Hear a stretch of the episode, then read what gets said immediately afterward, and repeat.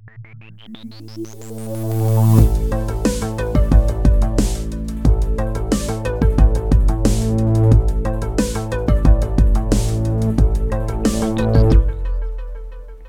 right. Eh, velkommen til eh, eh, første podkast for eh, Fagpolitisk råd. Um, det er da Jone Maase som sitter her, leder for eh, Fagpolitisk råd. Um, og i dag i studio så har jeg med meg Hans Jørgen Wiborg, som er lærer på Sjøkrigsskolen. Eh, og vi skal snakke litt om eh, langtidsplanen for eh, Forsvaret.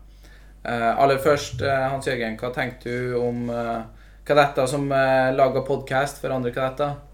Det syns jeg høres ut som en eh, god idé. eh, Særlig i disse tider eh, så må podkast være en fin ting. Jeg hører også at podkast er blitt mer og mer populært, så dette høres bra ut. Ja, det, det var vår tanke òg. Um, 17. april uh, 2020 så la regjeringa frem den nye langtidsplanen for Forsvaret. Uh, planen uh, legger opp til at Forsvaret skal styrkes med 16,5 milliarder kroner over de neste uh, åtte årene. Um, og det er jo litt spennende, og det bringer meg videre inn på, på spørsmål én. og spørsmål én til deg, Hans Jørgen, det baserer seg på budskapet fra Befalets Fellesorganisasjon, BFO, i innspillet til ny langtidsplan for Forsvaret. og det lyder som følger. BFO syns det er altfor tynt i rekkene i Forsvaret. Det er flere og flere som quote, ikke orker mer. Arbeidspresset blir for stort. Jobb går ofte foran familie, og ansatte og ledere mister i økende grad motivasjon. Svært mange velger å slutte, og det er gjerne folk i en alder og med en kompetanse som Forsvaret bør beholde. Hva tenker du om dette utsagnet? Jeg har ikke sett utsagnet selv der, og jeg kjenner ikke hva som er det reelle til, altså, tallgrunnlaget i forhold til hvor mange som faktisk kommer til, og hvor mange som faktisk slutter. Men jeg også hører liksom rundt omkring at det er en del som synes at arbeidsbelastningen er høy. Og hva kan man så gjøre med det? Eh, altså hvis, hvis, det viser seg da at dette er tilfellet, så er det da hva kan man gjøre med dette? Og en selvfølgelig løsning på dette som har blitt fremmet før, er jo dette med doble besetninger. Eh, og det til en viss grad vil kunne hjelpe på. Men igjen så er jo problemet at hvis det ikke er nok folk sånn som det er i dag, hvordan skal du da klare å etablere doble besetninger? Det er jo ikke så veldig enkelt. Nei, det, det er det absolutt ikke. En annen type løsning på et sånt problem med bemanning vil jo være å øke inntaket i bånn, sånn at man har en større besetning på en måte å ta av, og da er det ikke så farlig om noen velger å slutte.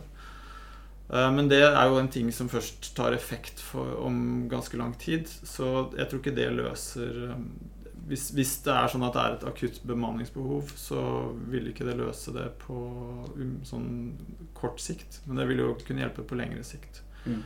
Um, så jeg håper jo egentlig at man øker inntaket på, i de forskjellige kategoriene, sånn at man får en større får større besett, eller en større pool å hente av. Nå er det ikke heller sånn at alle må jobbe i Forsvaret til de er 60, liksom. Uh, og det er også ganske mange forskjellige grunner ofte til at uh, folk finner seg andre ting å gjøre et eller annet sted i løpet av en lengre karriere. Jeg tror òg um, det BFO legger i spørsmålet, er jo at de som er kanskje en alder fra ja, sent 20-årene til uh, midten på 30-årene, at det er de, de vi mister når de enda, enda har et potensial for, for utvikling i Forsvaret. Eller kanskje Forsvaret ikke legger til rette for eh, videre utvikling. Altså videre eh, nye muligheter, eller ja, at de får på en måte prøve, prøve noe nytt. Og da kanskje tenke spesielt på de spesialistene som når akkurat, akkurat den alderen. Eh, med det nye OR og OF Ja, nye OMT, da, så vet jeg ikke om, om det blir lettere, eller om det blir vanskeligere. Nei, det er også øh, vanskelig å svare på, syns jeg. Um, en, annen, en, annen, faktor som jeg, jeg, har hørt fra folk som jobber i tillitssøylen, uh, er at um, pensjon også er noe som spiller en rolle for noen. da At uh, grunnlønna ikke danner grunnlag for en god nok pensjon på lang sikt. Mm. Um, men det her det er litt utenfor mitt kompetanseområde. Ja. Um, vi kan uh, gå videre til uh, et annet spørsmål som vi har uh, kalkulert frem her. Og det er jo um, Altså, ifølge en rapport fra Forsvarets forskningsinstitutt fra februar i fjor, har dagens forsvar så store svakheter at det vil koste flere hundre milliarder kroner ekstra å rette dem opp. Og de svakhetene som da blir lista opp her, det er beredskapen er for dårlig, utholdenheten er for svak, det utdannes for få offiserer, um, evnen til å beskytte utvalgte baser og nøkkelinstitusjoner er for dårlig, den sivile støtten til Forsvaret holder ikke mål, det er stor usikkerhet knytta til kommunikasjonssystemene Forsvaret er avhengig av, og Norge har liten evne til å stanse og bekjempe langtrekkende missiler. Og de blir jo lista opp her, og fra februar i fjor så skulle de ha vært med i, i ja, ettertraktinga til utarbeidet av den nye eh, langtidsplanen som kom nå i, i Ja, med forsvarssjefens fagmilitære råd. Um, hva tenkte du om de svakhetene her? Tror du de stemmer, eller?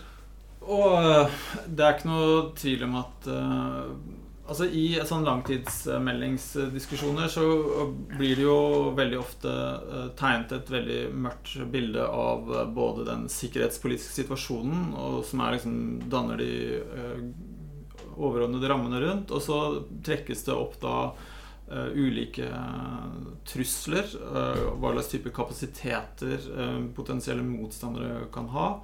Og så peker de også da på at tilstanden i det norske forsvaret er sånn og sånn og sånn, og at det ikke på en måte er noe helt samsvar på disse punktene. Uh, og det er jo ikke noe tvil om at uh, uh, Norge står overfor store utfordringer hvis man skal se for seg et sånn type stormaktkonflikt. eller konflikt med lille Norge mot en større stormakt. Mm. Um, og i møte med en sånn sak så vil man jo alltid være underleggende, og det vil du se i alle disse langtidsplanene som har kommet. De kommer jo med fire års mellomrom. Eh, så er det alltid et gap på en måte mellom Hva skal vi si eh, Sykdomsbeskrivelsen og de Eh, medisinene som på en måte list, tilbys. da mm. Så det, det mismatchet der, det tror jeg ikke denne langtidsplanen har klart å Det har den definitivt ikke klart å lime over det heller. Mm. Men det er et sånn gjennomgangstema. da ja. Jeg tror alle vi som jobber i Forsvaret, vi, det er egentlig ikke noe særlig grense for hvor stort forsvar vi kunne tenke oss, og hvor mye budsjetter vi kunne ønske oss at uh, regjeringen pøste inn i dette her. Mm. Men um, vi må nok også være realistiske og tenke at Eller ja, vi kan ikke få alt det vi ønsker. Mm. Ja. Um, jeg tenker jo òg, basert på at Eller det du sa om at Norge kanskje må opp mot en eventuelt uh, stormakt. Um, da ville det jo være gunstig for Norge å ha innfridd Natos 2 %-mål eh, tenker jeg, for å kan på en måte sikre artikkel 5, da. Hvis eh, det skulle forekomme. Eh, men det har vi jo heller ikke nådd. Nei, helt enda. det har vi ikke. Og det syns jeg er rart at ikke det er blitt noe eh, fortgang i, i den prosessen der sånn. Mm. Når man ser på en del av kommentarene som også har kommet ut andre steder i forbindelse med denne langtidsplanen, så er det også nesten litt bemerkelsesverdig hvor få som snakker om dette i dag. Eh, og når man tenker på den eh, situasjonen vi har med eh, den sittende presidenten i USA og hans syn på Nato og alliansen osv., så, videre, så fremstår det faktisk for meg som enda merkeligere. Men det er nå mitt personlige ja. synspunkt på dette. uten eh, personlige synspunkt så blir det jo, blir det jo kjedelig å Ja, det blir veldig kjedelig å lage podkast. Ja, absolutt. Eh, Du nevnte eh, tidligere til meg at langtidsplanen er sendt tilbake. Um, og hva Kan du utdype litt rundt det, og hva er det realistisk å forvente som et, et svar? Ja, Svaret er jo et godt spørsmål. Det tror jeg vi, eh, vi være litt uh, forsiktige med. Men jeg tror at den viktigste um, viktigste grunnen til at opposisjonen, om vi skal kalle det dette For det var vel kanskje et flertall som tvang igjennom at dette ble sendt tilbake. Men ja, at eh, et, eh, en, den ble sendt tilbake, det var at eh, regjeringen brøt litt med praksisen med å lage fireårsplaner, for nå ble det plutselig en slags åtteårsplan. I og med at de skjøv det fram til 2028. Mm. Eh, og det var det flere partier på Stortinget som syntes var eh, problematisk. Eh, så jeg tror kanskje at svaret da blir at vi får en slags fireårsplan og ikke en åtteårsplan. Mm. Så det kritikken går på mye, er jo at eh, regjeringen er altfor vag da, i eh, å konkretisere måte, målene fremover. Eh, Det gjelder for flere sektorer. Så vi får vel kanskje håpe at det blir litt mer konkretisert. Mm. Det er jo en, en kjent ting at politikere gjerne kan være litt vage, fordi da er det vanskeligere å bli tatt på at man har, man har sagt uh, et eller annet. Ja. Eh, Men så er det jo også det at eh, opposisjonen, akkurat sånn som eh, eh, regjeringspartiene, eh, pleier jo av og til å bruke dette i et slags politisk spill. Da. Så eh, forsvarspolitikk, akkurat som eh, samferdselspolitikk, er jo en måte å drive og sondere i det politiske landskapet og fiske stemmer på. Mm. Eh, Så vi, man kan ikke se helt sånn bort fra at eh, også eh, de andre partiene kjører på den linja der, da. Mm. Og ja. Ja. Um, det er jo Det har kommet litt uh, uh, kritikk mot akkurat denne regjeringa grunna um, langtidsplanen som er lagt fram, i og med at de partiene som nå uh, sitter i regjering, eh, skal være mer forsvarsvennlig. Altså være Bruk mer penger på Forsvaret, eh, oversatt. Er det forventa? Eh, men det har de jo Har de vel egentlig gjort, men ikke i en stor nok grad. Fordi de, de har brukt mer penger, men det sikkerhetspolitiske bildet som verden er i dag, er jo helt annerledes enn det var for åtte år siden. ja. Det som er vel bra med denne langtidsplanen, er at den tegner et mer eh, dystrere og mer realistisk bilde av den sikkerhetspolitiske situasjonen. Eh, det er økt stormaktsrivalisering. Eh, og vi har også sett bare de siste månedene og under denne koronakrisen at denne stormaktsrivaliseringen mellom USA og Vesten på den ene siden og Russland og Kina på den andre siden, eh, den har bare tilspisset seg. Så det internasjonale klimaet har bare blitt enda dårligere. Eh, Og i tillegg til det så har vi jo da utfordringen knyttet til eh, eh, felles intern enighet mellom vestlige land og mellom USA og europeiske allierte osv. Og i en sånn situasjon så vil jo mange da mene at Norge må bruke mer penger på Forsvaret selv for å kunne være mm, bedre i stand til å håndtere situasjonen på egen hånd. Eh, og så gir de da et riktig bilde av dette, men så er det da mange som mener at ikke de leverer helt med å ikke følge opp med enda sterkere en enda bedre bevilgninger til Forsvaret. Mm. Eh, Når det gjelder hvem av disse partiene som er eh, mest forsvarsvennlige, så kan man jo få inntrykk av at de konkurrerer litt om dette. Og tradisjonelt sett så har man jo i hvert fall hatt et inntrykk av at de mer blå partiene om man vil, er mer pro Forsvaret enn de som er på andre siden av spekteret. Eh, Men her tror jeg de egentlig konkurrerer litt alle sammen i det samme markedet, om du vil. Og jeg tror ikke nødvendigvis at vi kommer til å se at den samlede potten til Forsvaret blir noe større eh, til slutt. Um, men vi kan jo håpe på det, selvfølgelig. Og at Mm. denne diskusjonen som nå eh, går, og det endrede trusselbildet, faktisk resulterer i dette. Men ja, jeg, sånn jeg forstår det, så er det Det er faktisk en viss økning, men den er ikke så stor som man skulle ønske seg. Eh, og så vil de forskjellige partiene sikkert forsøke å tweake dette litt sånn som passer deres partipolitiske profil. Altså Senterpartiet har sine kjepphester, Arbeiderpartiet kanskje sine, osv. osv. Mm. Uh, men ja, vi får se hvordan akkurat dette går. Det er litt tidlig å se. Det blir vel en behandling i løpet av høsten på dette. Ja. Uh, vi kan jo, siden vi er, vi er Sjøkrigsskolen, så kan vi jo gå over til, til marinen. Uh, og langtidsplanen nevner jo ikke så mye om utfordringer og problemene som har blitt løfta rundt at marinen skal gå uten et eneste nytt fartøy de neste ti årene. Um, samtidig som vi har flere og flere fartøy som begynner å gå utover levetiden sin. Um, tanker om det her? Ja, uh, godt spørsmål. Uh, jeg tenker at uh, Eller hvis man ser på dette i litt sånn historisk perspektiv, så er kanskje ikke tilstanden i det norske sjøforsvaret sånn at uh, Det er i hvert fall ikke helt riktig, synes jeg, å beskrive det som en gammel, gammel marine. Mm. Um, jeg tror fregattene ble faset inn mellom 2006 og 2010.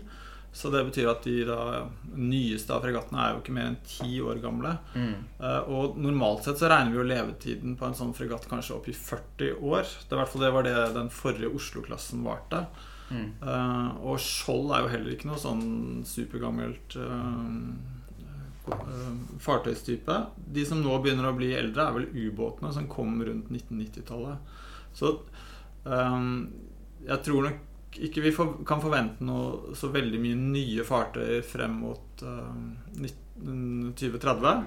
det som antageligvis nå kommer som en del av at denne planen ble sendt i retur, er nok kanskje det at vi får en ny slags uh, vurdering, uh, langtidsmelding for Sjøforsvaret. Uh, en sjøforsvarsplan. Men når, når, den blir satt i gang, det vet jeg ikke helt. Men da er det altså mer med tanke på hva som skal komme etter 2030 igjen.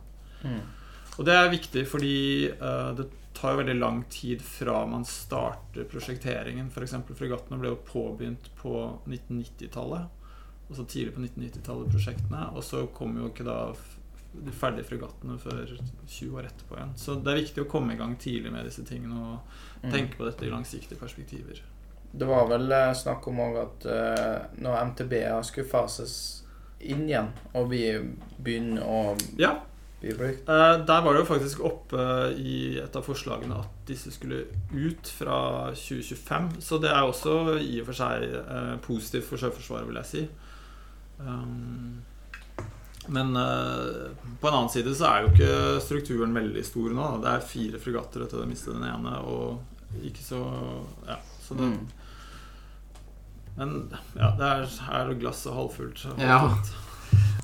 Hvis eh, du kun ser på den 16,5 milliard økninga som de har planlagt, så ser jo det her bra ut. For de neste um, åtte årene. For de neste åtte årene, ja. Uh, men tar du med at 4 milliarder skal interneffektiviseres, så står du jo igjen med en reell økning på 12,5 milliard. Uh, og vi kan jo fort nevne at uh, forsvarssjefen ikke hadde noe tru på at han skulle klare å interneffektivisere 500 millioner i året. Hvordan tror du det her spilles ut? Er det, er det tallfiksing? Uh, det er nok i alle sånne budsjett i alle sånne politiske prosesser som dette og budsjettforslag osv. Så, videre, så er det selvfølgelig et element av å, å, kna og få tallene til å fremstå slik at eh, du selv fremstår som uh, å gjøre de riktige tingene. Mm. Uh, og 16 milliarder hører jo så masse, men hvis du skal da spare for å tjene inn Eller skaffe disse pengene, så er det jo ikke så fantastisk. Uh, og det er også mange i Forsvaret som mener nå at denne altså mulighetene for å hente inn mer på intern effektivisering og sparing, den begynner snart å bli brukt opp. Da. Det er ikke så veldig mye mer å hente. Mm. Og dette med personellsituasjonen og, og, sånt er jo et eksempel på dette. Så uh, forsvarssjefen er jo da en da som mener at uh, kanskje grensen uh, Altså det er et visst sånt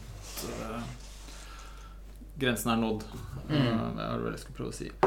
Samtidig så kom FFI med en rapport her, jeg tror det også var i forbindelse med dette langtidsplanarbeidet, som skulle se på forskjellige områder hvor uh, man kunne gjøre besparelser i forsvarssektoren. Og med uh, et sånt uh, årlig budsjett på 50-60 milliarder kroner, så er det jo selvfølgelig helt sikkert potensial noen steder. Og det de pekte på, var jo er det, det, er mange, mange områder man kan se på. Et område som jeg er opptatt av, f.eks., er jo denne gradstrukturen som vi var inne på i stad. Uh, eh, OF, OR, og uh, hvordan på en måte denne strukturen, uh, personellstrukturen ser ut av denne pyramiden. Om den liksom er bred på toppen, eller Så målet er jo da å få den videre i bunnen og smalere på toppen. Mm. For det vil jo igjen virke til å spare lønn, da. Så fra Sett fra det perspektivet så er det jo interessant å gjøre noe med det. Andre ting som de snakker om, er dette med materiellanskaffelser. Og gå for mer sånn type hyllevare Eh, i stedet for spesialtilpassede ting. Og også at uh, man er mer moderat når man kommer med kravspesifikk Eller krav, kravene til hva slags type kapasiteter man skal ha fremover. Da. Ofte så har man tendens til å uh, ønske seg alt. Mm. Tror du det her eh, Altså Hvis vi nå går mer mot hyllevare, tror du Norges forsvar klarer å anskaffe nok ut av den hyllevaren til å kan veie opp for den detaljvaren eh, og den kapasiteten den, den utgjør? da? Altså, ja, nei, nok var nok. Uh, ja. Nei, det Jeg er vel moderat skeptisk til det. Men, ja. Men det er i hvert fall et eh, problem som er identifisert de siste årene. Da, at utholdenheten vår og lagre og beredskap og sånt er, har vært for dårlig. Men jeg tror det er eh, et visst arbeid i gang for å bedre på situasjonen. da. Ja, for med hyllevare også, så vil òg deler bli, bli billigere um, og, og, lettere å få tak i. Forhåpentligvis, ja. Ja. Um, kan gå over på ett spørsmål igjen, um, og det er hva tror du vil skje de neste fire årene? Altså årene det skulle være fokus på i den, i den langtidsplanen her. Jeg tenker på å si at de har lagt uh, så mange planer for de neste åtte årene, og ikke fire. Du svarte litt på det i og med at uh, planen skal sendes tilbake osv. Men har du noe spesifikt for, for de neste fire? Nå har du eh, hyra inn en historiker her til å snakke om framtiden. så jeg vet ikke. Jeg kunne vært litt mer Altså hva, hva, som kommer til å skje med Forsvaret de neste fire årene, er det det du mm, tenker på? Ja. Og hva liksom som blir resultatet av disse planarbeidet? Ja, for oss nå som skal ut i, ut i bruket, da, f.eks., så er det jo relevant å, å tenke på de neste fire. Ja, vi var vel inne på det som i hvert fall for Sjøforsvarets del eh, vil være ståa. Det er at den strukturen vi nå har, den vil man opprettholde og vedlike Altså uh, videreføre. Mm. Uh, jeg tror ikke man får noen ny fregatt. Det er også problematisk f.eks. å skulle bare kjøpe ett fartøy. Fordi, ja. Ja, med vedlikehold, deler og alle disse tingene. Mm. Og det er et helt hvert, Ja. Så det tror jeg ikke man kommer til å gjøre. Um, så så hvert skifte er jo, er jo, på en måte Da skifter du en klasse eh, grunna opplæring, og, og, og, ting skal være likt for folk som er ute, gjør det ikke? Tenker på når du Derfor vil vi ikke bare ha ett nyere fartøy, men kanskje ett fartøy av, av, samme klasse. Har jo vært jeg, jeg tenker at det kanskje er like greit også å gå for uh, uh, heller utsette til neste gang man skal kjøpe nye fregatter. Da. Ja. Eh, men det kommer jo igjen hva slags type fregatt man skal ha. da Om man skal ha en sånn high end-fregatt som skal håndtere eh, trusler i alle tre dimensjoner, eller om man skal ha en mer sånn uh, patruljefartøy som kan brukes mm. i mer sånn lavintensive uh, krisetilstedeværelsesoperasjoner både hjemme og ute. Mm. Uh, da kan man kanskje klare seg med en litt enklere type fartøy. Mm. Og det burde jo være lettere å drive. Det kommer litt an på hva man er interessert i. Ja. Um, jeg merker jo at uh, um, At det er tomt for spørsmål, skulle jeg si. Uh, Jeg vil jo takke deg for at du, du var med i studio eh, her i dag. Eh, og jeg tror eh, annet de andre kadettene og, og eh, jeg vet jo at meg spesielt setter veldig pris på at eh, du tar deg tid til å bli med på en sånn her ting. Klokka er jo eh, nå blitt halv seks på en hverdag, sant? og det, det er veldig kjekt at du stiller opp for, for oss, da.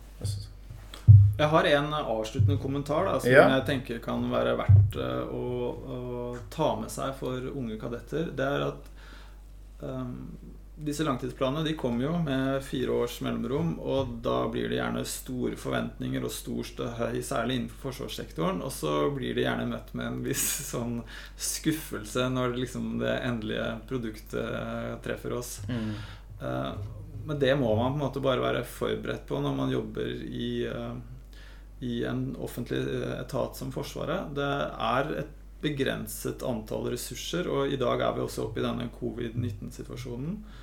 Eh, Så det at vi i hele tatt har fått en, et løfte om økning, og at det er en eh, vilje blant et flertall på Stortinget for å øke budsjettene i disse ganske spesielle tider, er jo i seg selv positivt. Mm.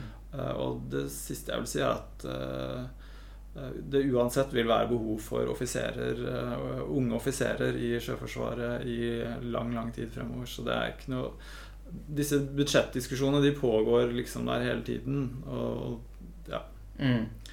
det, det går nok bra. Det, det er tilfredsstillende å, å høre. Eh, da lover det, lover det bra for alle oss, skulle jeg si.